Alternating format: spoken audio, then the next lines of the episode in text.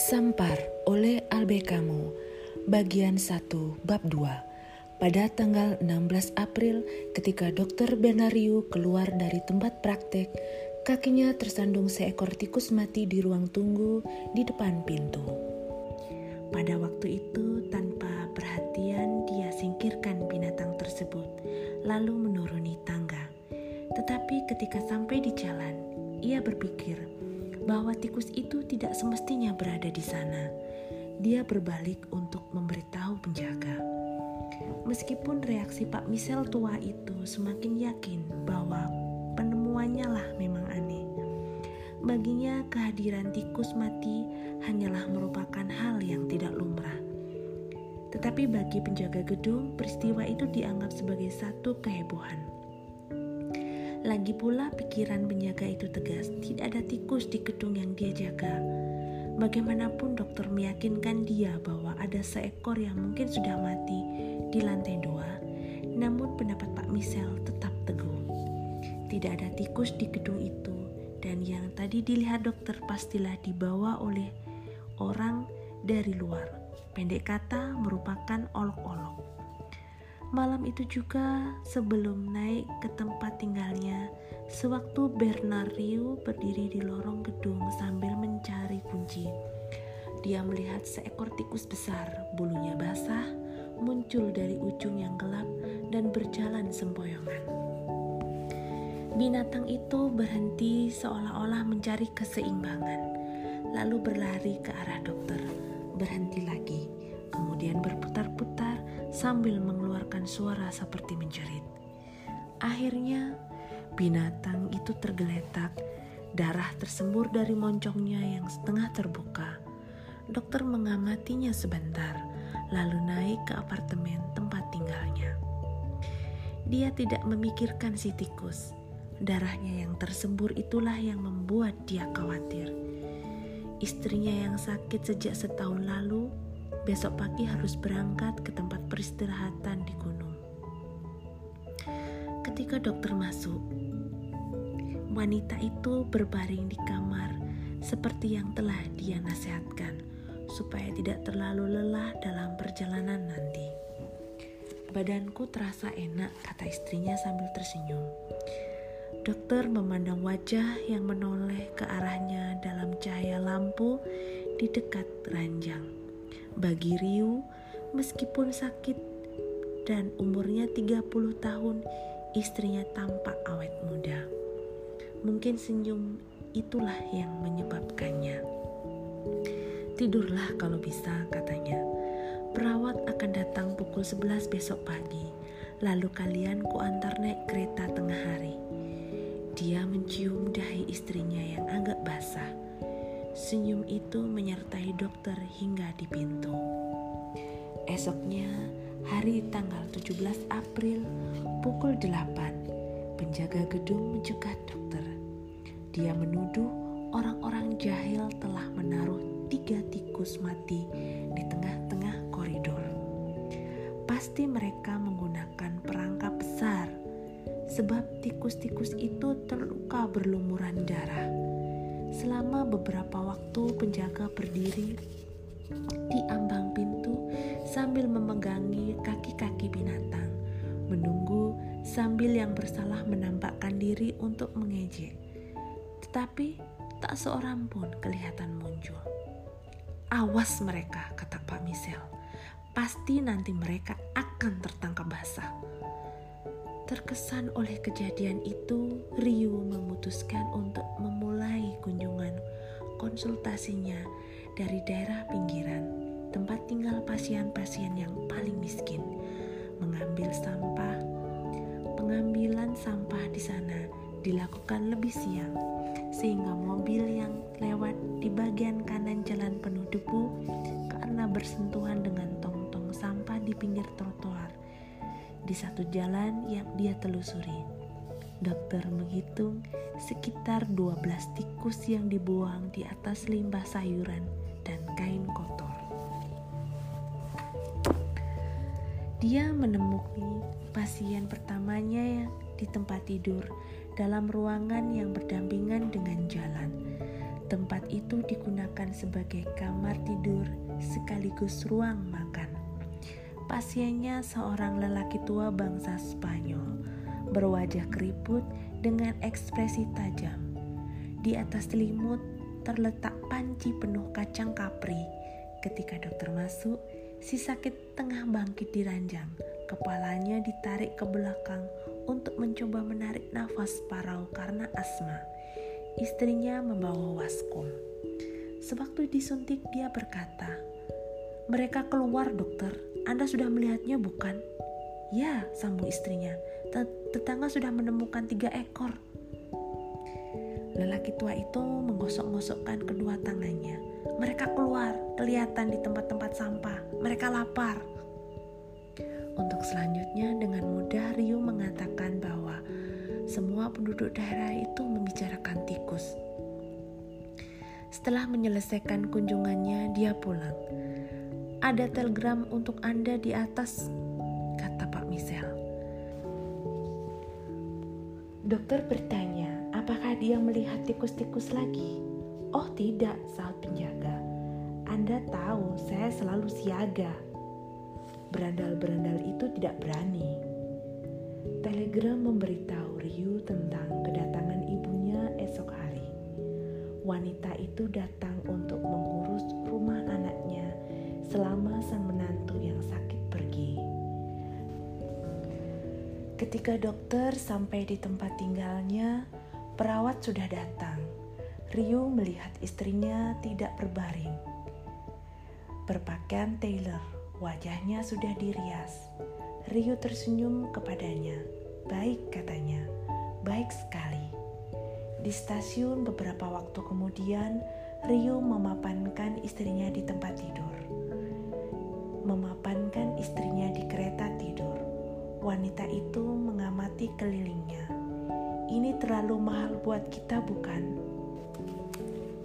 Tapi perlu, sahut Rio. Apa berita tentang tikus-tikus itu? Aku tidak tahu. Aneh, tapi itu akan berlalu. Kemudian cepat-cepat dia minta maaf. Katanya seharusnya ia merawat istrinya, tetapi sebaliknya dia malah mengabaikannya. Istrinya menggelengkan kepala seakan-akan menyuruh suaminya diam. Tapi dokter menambahkan, semua akan lebih baik kelak ketika kau kembali kita akan memulai dari awal lagi. Kemudian istrinya membelakangi Rio, melihat keluar jendela. Orang-orang berdesakan dan berpapasan di peron. Desis lokomotif mencapai tempat mereka. Rio memanggil istrinya dengan nama kecilnya. Ketika menoleh, dia melihat wajah wanita itu penuh air mata. Jangan, riuh lembut. Dengan mata yang berlinang, senyumnya kembali. Sedikit dipaksakan, perempuan itu menghela nafas dalam-dalam. Pergilah, semua baik-baik. Rio memeluk istrinya. Kini di peron, di sisi lain dari jendela, ia hanya melihat senyumnya saja. Katanya, jagalah dirimu di peron dekat pintu keluar, Rio bertemu dengan jaksa Oton yang mengandeng anak lelakinya. Dokter bertanya, apakah pejabat itu akan pergi? Jaksa Oton berbadan tinggi dan berpakaian hitam, agak mirip seperti yang dulu disebut orang golongan atasan dan sekaligus mirip mengusung jenazah. Dia menjawab teguran Ryu, suaranya ramah. Saya menjemput Bu Oton. Dia pulang dari mengunjungi keluarga saya. Lokomotif memanggil. Tikus-tikus, kata jaksa itu. Semula Ryu bergerak ke arah kereta, tapi segera kembali ke dekat Pak Jaksa. Ya, sahutnya, tidak apa-apa. Yang menarik perhatian dokter waktu itu hanyalah lewatnya seorang pegawai kereta sambil membawa sebuah peti penuh tikus mati. Sore hari itu juga, ketika mulai praktek, Ryu menerima kunjungan seorang lelaki muda. Ia mengaku sebagai wartawan yang sebenarnya pagi itu sudah datang. Namanya Raymond Rambert. Orangnya pendek berbahu kokoh, pandangannya mengandung ketegasan, mata hitam dan tampak cerdik. Gaya pakaiannya seperti sporty dan santai. Dia langsung mengatakan maksud kedatangannya, yaitu sedang mengadakan riset untuk sebuah surat kabar besar di Paris mengenai kehidupan orang-orang Arab karena itu, dia menginginkan informasi tentang keadaan sanitari mereka. Rio menjawab, "Tidak bagus." Tapi sebelum melanjutkan lebih jauh, ia ingin mengetahui apakah wartawan itu bisa mengatakan hal yang sebenarnya. Tentu saja, jawab wartawan itu. Maksud saya, dapatkah Anda mengkritik sepenuhnya? Sepenuhnya tidak, ini memang tidak diakui tapi saya kira dasarnya tidak cukup untuk mengkritik tajam. Dengan tenang, Ryu mengatakan bahwa memang kritikan tajam mungkin tanpa dasar. Dia hanya ingin mengetahui dapatkah Rembrandt membawa kesaksian tanpa dibatasi. Kata dokter, saya hanya mendukung kesaksian yang tidak dibatasi jadi, saya tidak akan membantu memberikan informasi kepada Anda. Sambil tersenyum, wartawan itu berkata, "Itu cara Saint Just berbicara. Itu cara Saint Just berbicara."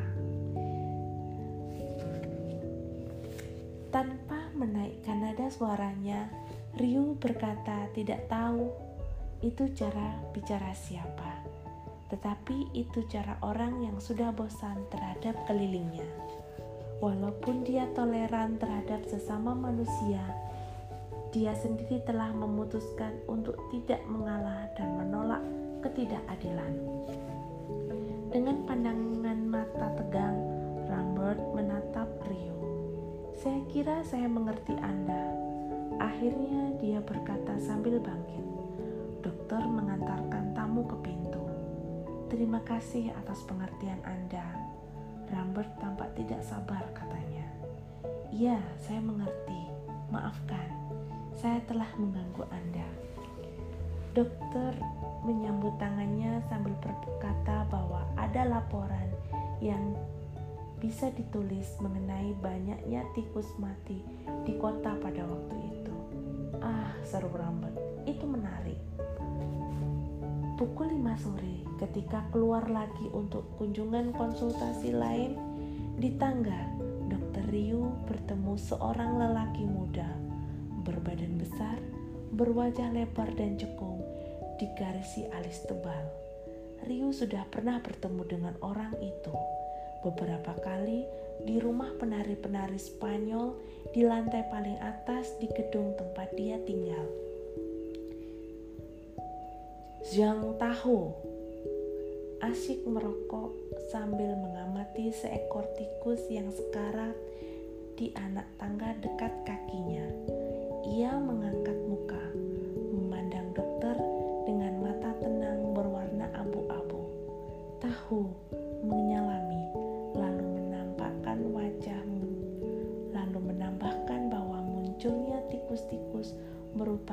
satu hal yang tidak wajar. Ya, sahut Ryu. Dan menjengkelkan. Betul menjengkelkan, dokter. Tapi dari sudut tertentu saja. Belum pernah kita menyaksikan kejadian yang sama. Sebab itulah menjengkelkan. Tetapi saya menganggapnya menarik. Betul-betul menarik. Tahu mengusapkan tangan ke rambut untuk merasakan tangannya di belakang. Ia memandang tikus yang kini tidak bergerak lagi sambil tersenyum katanya. Tapi dokter, sebetulnya ini kan urusan penjaga. Dari tempat itu, justru dokter berjumpa dengan penjaga di depan gedung, sedang bersandar di dekat pintu masuk. Wajah yang biasanya merah kepanasan itu tampak lelah. Ryu memberitahukan penemuannya baru saja. Iya, saya tahu, kata Pak Misal tua itu. Sekarang ditemukan sekaligus dua atau tikus mati. Dua atau tiga tikus mati tapi di gedung-gedung lain juga sama. Penjaga itu kelihatan lesu dan cemas. Dia menggosok-gosok lehernya. Gerakannya seperti satu kebiasaan saja. Ryu bertanya, bagaimana rasa badannya? Penjaga gedung tidak dapat mengatakan bahwa dia memang tidak enak badan. Hanya saja dia merasa tidak tenang. Menurut dia, pikirannya lah yang terganggu tikus-tikus itu sangat mengejutkan. Semua akan menjadi lebih baik bila binatang-binatang itu menghilang. Tetapi keesokan harinya tanggal 18 April, ketika dokter membawa pulang ibunya dari stasiun, dia melihat wajah Pak Michel lebih lesu. Katanya itu disebabkan oleh puluhan tikus yang berserakan di tangga-tangga dari bawah hingga lantai atas gedung itu tempat-tempat sampah bangunan tetangga dipenuhi binatang tersebut. Ibu dokter Yu mendengarkan berita itu tanpa rasa heran. Itu hal yang biasa terjadi katanya. Wanita berbadan kecil, rambutnya keperakan, matanya hitam serta lembut. Aku senang bertemu lagi dengan kau Bernard, katanya tikus-tikus itu tidak menghalangi rasa bahagiaku. Ryu setuju, memang benar, semua tampak mudah jika dia bersama ibunya. Meskipun demikian, ia menelpon kantor kota Praja bagian pemberantasan hama. Bagian pemberantasan hama tikus. Dia kenal direkturnya. Dokter bertanya, Apakah sudah mendengar tentang tikus-tikus yang muncul bergerombol di tempat terbuka untuk mati? Mercier, direktur itu memang mendengarkannya. Di kantornya sendiri yang jauh dari pelabuhan telah ditemukan kurang lebih 50 bangkai. Meskipun begitu, dia tidak yakin apakah keadaan itu gawat. Ryu tidak bisa memastikannya, tapi dia berpendapat bahwa seharusnya pelayanan pemberantasan hama tikus turun tangan. Ya, kalau ada perintah, kata Mercy. Kalau kau kira memang ada gunanya, aku dapat mencoba memperoleh perintah itu. Selalu ada gunanya, sahut dokter. Perempuan yang membersihkan apartemen baru saja memberitahu bahwa di pabrik tempat suaminya bekerja telah dikumpulkan ratusan tikus mati. Kira-kira sejak itulah penduduk kota kami mulai khawatir karena sesungguhnya mulai tanggal 18 pabrik pabrik dan gudang-gudang memuntahkan ratusan bangkai tikus. Tidak jarang penduduk terpaksa membunuh binatang-binatang yang terlalu lama sekarat mulai dari kawasan pinggiran sampai ke tengah kota. Di mana pun dokter Ryu lewat, di mana pun penduduk berkumpul, selalu ada tikus bertumpuk. Baik di tempat-tempat sampah maupun berderetan memanjang di selokan-selokan. Mulai hari itu, surat kabar sore memuat peristiwa tersebut. Ditanyakan apakah pemerintah kota akan bertindak tindakan darurat apa yang telah direncanakan guna melindungi penduduk terhadap serbuan yang memuakkan itu? Pemerintah kota tidak bermaksud berbuat sesuatu juga tidak merencanakan apa-apa, namun memulai langkah dengan pers dengan bersidang. Instruksi dikeluarkan kepada kantor pelayanan pemberantasan hama tikus supaya setiap hari di waktu subuh mengumpulkan bangkai-bangkai. Setelah itu, dua kendaraan dinas berkewajiban mengangkutnya ke pabrik pembakaran sampah untuk dimusnahkan. Namun hari-hari berikutnya keadaan menjadi lebih buruk. Jumlah binatang mati yang dikumpulkan semakin bertambah. Hasil pengumpulan setiap pagi semakin banyak. Sejak hari keempat, tikus-tikus mulai keluar untuk mati, menggerombol dari tempat-tempat gelap, dari bawah gedung, dari kelder, dari selokan tertutup. Mereka naik berurutan memanjang, berjalan terhuyung-huyung dan sempoyongan di tempat terang. Kemudian tubuhnya terbalik dan mati di dekat manusia. Waktu malam, di gang-gang di jalan kecil, kedengaran jelas teriakan sekarat mereka. Pagi hari, di pinggiran kota, mereka kelihatan tergeletak, diselokan dengan sekumpal darah di moncong yang lancip. Beberapa di antaranya menggembung busuk, yang lain mengeras dan kumisnya kaku. Di dalam kota sendiri ditemukan sekumpulan tikus di ruangan gedung maupun sekolah. Kadang-kadang ada juga yang datang terpisah-pisah lalu mati di ruang kantor-kantor atau di halaman sekolah maupun di teras kafe. Penduduk kota kami merasa heran menemukan binatang-binatang itu di tempat-tempat yang paling ramai. Alun-alun, jalan raya, tempat penduduk mencari angin, front de mer yang terletak di tepi pantai kadang-kadang tercemar oleh bangkai mereka. Binatang yang mati dibuang di waktu subuh, yang lain berangsur muncul menjadi semakin banyak sepanjang hari. Di waktu malam, beberapa kaki pejalan di trotoar menyandung benda seperti karet. Itulah bangkai tikus yang masih hangat, seolah-olah tanah tempat kami tinggal memuntahkan beban cairan busuknya menyembulkan bisul-bisul dan nanah yang hingga saat itu mengganggu kedalamannya. Bayangkan kota kecil kami yang sampai saat itu sangat tenang dalam waktu pendek menjadi kacau. Bagaikan darah pekat dari orang sehat mendadak memberontak berbalik arah peredarannya. Suasana menjadi sedemikian buruk sehingga kantor Ramsdok yang konon memberi informasi dan dokumentasi akurat mengenai apa saja mengumumkan dalam siaran penerangan cuma-cuma di radio bahwa pada tanggal 25 sehari itu saja telah dikumpulkan dan dibakar 6.231 tikus.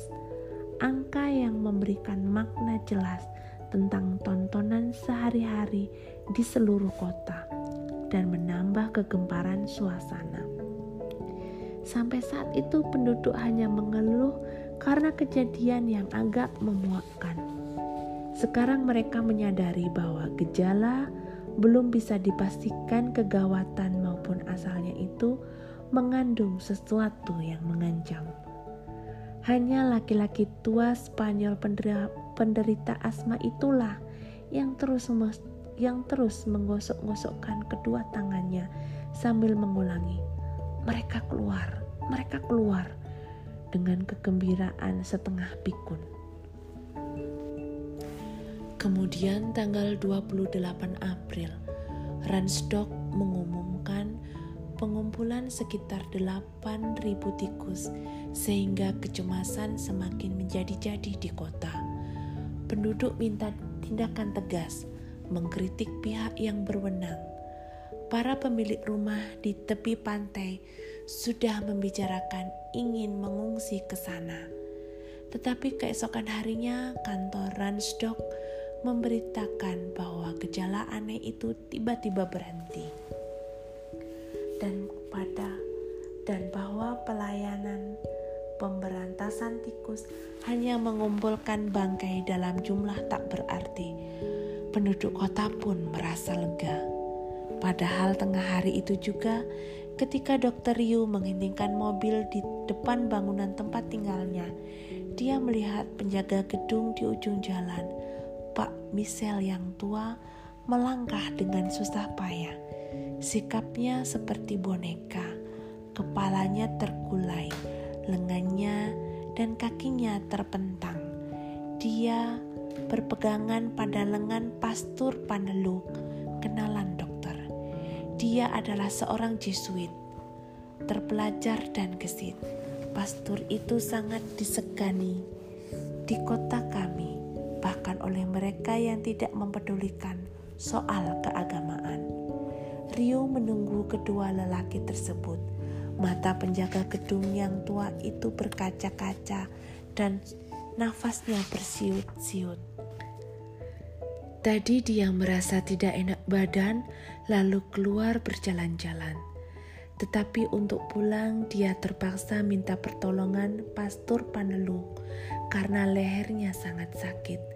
Begitu pula ketiak serta selangkangannya. Bengkak-bengkak inilah yang menyebabkan katanya. Barangkali saya pernah terlalu memaksa diri mengangkat sesuatu sehingga ada otot yang meradang. Melalui jendela mobil, dokter meraba bagian bawah leher misel yang terulur terulur ke arahnya. Di situ terbentuk suatu yang keras seperti bonggol kayu. Berbaringlah, lalu ukur panas badan Anda. Saya akan datang menengok sore nanti. Ketika penjaga gedung itu berlalu, Rio bertanya kepada pastor apa pendapatnya mengenai tikus-tikus itu. Ah, ini pasti epidemi, kata Romo. Matanya tersenyum di balik kaca yang bulat. Setelah makan siang, dokter membaca kembali telegram dari rumah peristirahatan yang memberitahu bahwa istrinya telah sampai. Pada saat itu telepon berdering. Seorang bekas pasiennya, pegawai kantor kota Praja, memanggil dokter. Lama orang itu menderita penyempitan pembuluh darah, dan karena dia miskin, dokter Yu memberi perawatan cuma-cuma. Anda ingat saya, kata pegawai itu. Saya menelpon ini untuk orang lain. Datanglah cepat dokter, di tempat tetangga saya terjadi sesuatu. Suaranya terengah-engah. Dokter ingat kepada penjaga gedung, maka dia memutuskan akan menengok Pak Michel sesudah pasien ini. Beberapa menit kemudian, dokter memasuki sebuah rumah di jalan Vaid Herbe di kawasan pinggiran. Di tangga yang sejuk dan berbau busuk, dia bertemu Joseph Grant yang turun menjemputnya. Karyawan itu berumur sekitar 50 tahun, berkumis pirang, berbadan tinggi, serta melengkung. Bahunya sempit, anggota badan lainnya kerempeng. Sekarang dia lebih baik, kata pegawai itu ketika berjalan ke arah dokter. Tadi saya kira dia akan mati. Dia mengeluarkan ingus dengan sapu tangannya. Di tingkat tiga, lantai paling akhir di gedung itu, Dokter Yu membaca tulisan kapur merah di pintu sebelah kiri. Silakan masuk, saya telah menggantung diri. Mereka masuk, tali bergantung di tempat lampu. Di bawahnya ada sebuah kursi terbalik, meja didorong ke sudut, tapi tali itu tergantung kosong. Saya melepaskan dia tepat waktunya, kata Grant kedengaran sulit menemukan kata yang hendak diucapkan. Meskipun dia berbicara dalam bahasa yang paling sederhana, kebetulan saya sedang keluar untuk mendengar bunyi sesuatu. Sewaktu saya membaca tulisan di pintu, saya kira itu suatu kelakar. Bagaimana menerangkannya? Tapi terdengar rintihan aneh, bahkan dapat dikatakan bunyi yang mengesankan malapetaka. Grant menggaruk kepala meneruskan. Menurut saya, protes itu pastilah berat. Tentu saja saya segera masuk. Mereka mendorong sebuah pintu, lalu memasuki kamar yang terang, tetapi dilengkapi perabotan miskin. Seorang laki-laki pendek dan gemuk berbaring di tempat tidur dari kuningan. Napasnya gaduh, matanya merah, memandang pendatang yang baru masuk. Dokter berhenti di antara tarikan dan hembusan nafas, seolah-olah suara jeritan tikus. Tapi tak satu pun bergerak di sudut-sudut. Dia mendekati ranjang. Orang itu tidak jatuh dari tempat yang cukup tinggi ataupun terlalu tiba-tiba. Jadi tulang punggungnya utuh. Tentu saja dia agak kekurangan udara. Dia harus diperiksa dengan pemotretan. Dokter menyuntikkan minyak kamper dan berkata bahwa segalanya akan membaik lagi dalam beberapa hari. Terima kasih dokter, kata orang itu suaranya serak. Ryu bertanya kepada Grant apakah sudah memberitahu kantor polisi. Pegawai itu kelihatan malu, katanya. Tidak, oh belum, saya kira yang paling penting. Tentu saja, kata dokter itu memotong. Kalau begitu, saya yang akan lapor. Pada saat itu pasien gelisah, bangkit di tempat tidur sambil memprotes bahwa dia baik-baik serta tidak perlu lapor. Tenanglah, kata dokter. Jangan khawatir. Tapi saya harus lapor. Oh, orang itu menjatuhkan diri ke belakang, menangis perlahan-lahan. Grant yang sejak lama memilin kumisnya mendekat dan membujuk. Ayo saudara kotak, cobalah mengerti. Dapat dikatakan Dokter Yu bertanggung jawab. Seandainya Anda bermaksud lagi, di sela-sela tangisnya, Tuan Kotat berkata bahwa dia tidak akan melakukan perbuatan itu lagi. Bahwa seketika tadi dia memang merasa bingung. Sekarang dia hanya ingin dibiarkan tenang sendirian. Dokter Yu menulis resep. Baiklah katanya, kejadian itu tidak usah dibicarakan saya akan kembali dua atau tiga hari lagi. Tapi janganlah berbuat yang tidak-tidak. Di luar dia berkata kepada Tuan Grant bahwa dia harus melaporkan kejadian itu. Tetapi dia akan minta kepada kepala kantor polisi supaya datang dua hari lagi. Dia harus diawasi malam ini. Apa ada keluarganya? Saya tidak kenal mereka, tapi saya bisa mengawasinya sendiri. Sambil menganggukkan kepala, Grant meneruskan.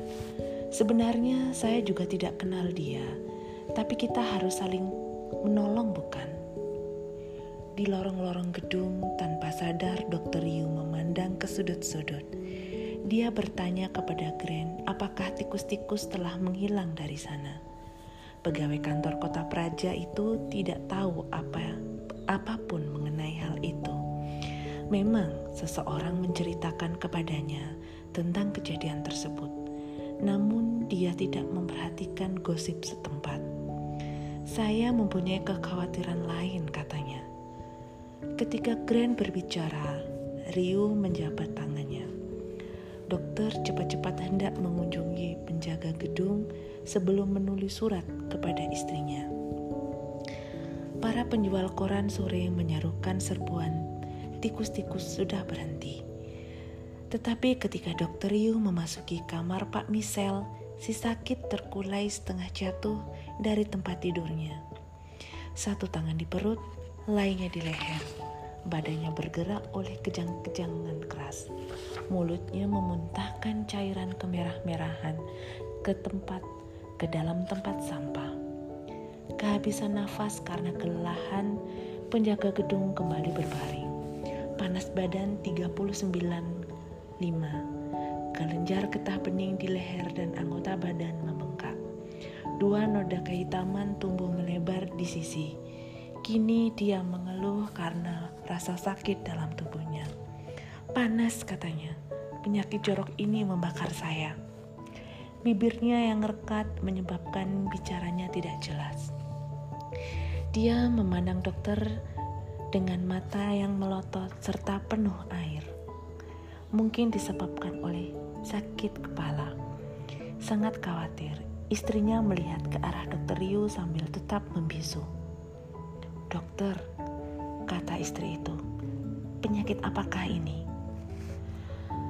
Bisa apa saja, belum dapat dipastikan. Sampai nanti malam, diet dan obat pencuci darah harus banyak diminum. Memang penjaga itu haus sekali. Seketika di rumah, dokter menelpon rekannya Richard, salah seorang dokter terpenting di kota. Tidak, kata Richard, saya tidak melihat sesuatu yang luar biasa. Demam disertai peradangan setempat? Oh, kalau itu ya, dua kasus dengan kelenjar getah bening yang sangat meradang. Meradang sejak meradang secara tidak wajar? Hmm, wajar, Anda tahu. Malam hari penjaga gedung mengigau, panas badan 40 derajat. Dia mengeluh mengenai tikus-tikus.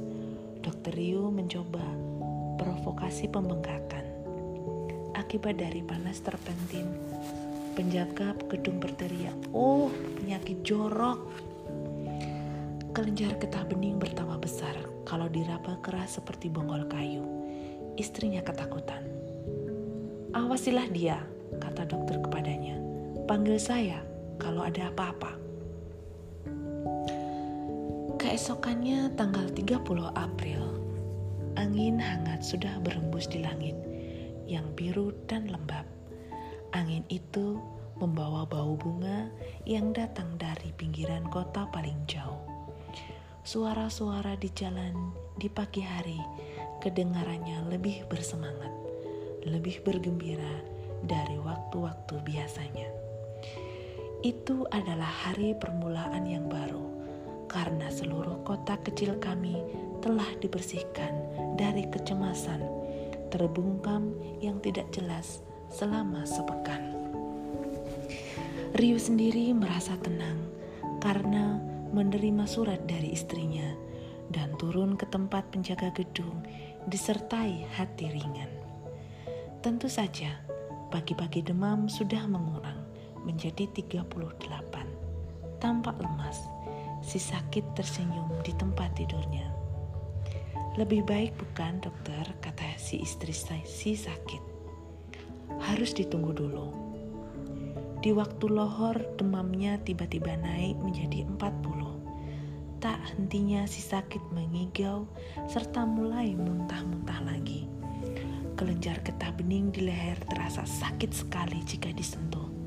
Sehingga penjaga itu bersikap seolah-olah ingin meletakkan kepalanya sejauh mungkin dari tubuhnya. Si istri duduk di tempat tidur tangan di atas selimut sambil memegangi kaki suaminya dengan penuh kelembutan. Dia memandang kepada dokter Yu. Bu, kata dokter, suami Anda harus dipisahkan, dibawa ke karantina, lalu dicoba perawatan luar biasa. Saya akan menelpon rumah sakit, minta dikirim ambulans. Dua jam kemudian, dokter dan wanita itu mendampingi si sakit di dalam ambulans. Dari mulut yang berlapiskan lendir berjamur terdengar suara putus-putus. Tikus-tikus, muka pasien kehijauan, bibirnya seperti lilin. Pelapuannya keabu-abuan, nafasnya pendek-pendek tidak teratur. Dia terbaring terkangkang oleh sakitnya kelenjar getah bening, terhenyak di berangkar, seolah-olah hendak menyatukan tempat tidur itu dengan dirinya. Atau seolah-olah sesuatu dari dalam tanah berusaha menariknya kuat-kuat. Nafasnya sesak seperti tertekan oleh beban tanpa wujud. Istrinya menangis. Apa tidak ada harapan lagi, dokter? Dia sudah meninggal, kata Ryu.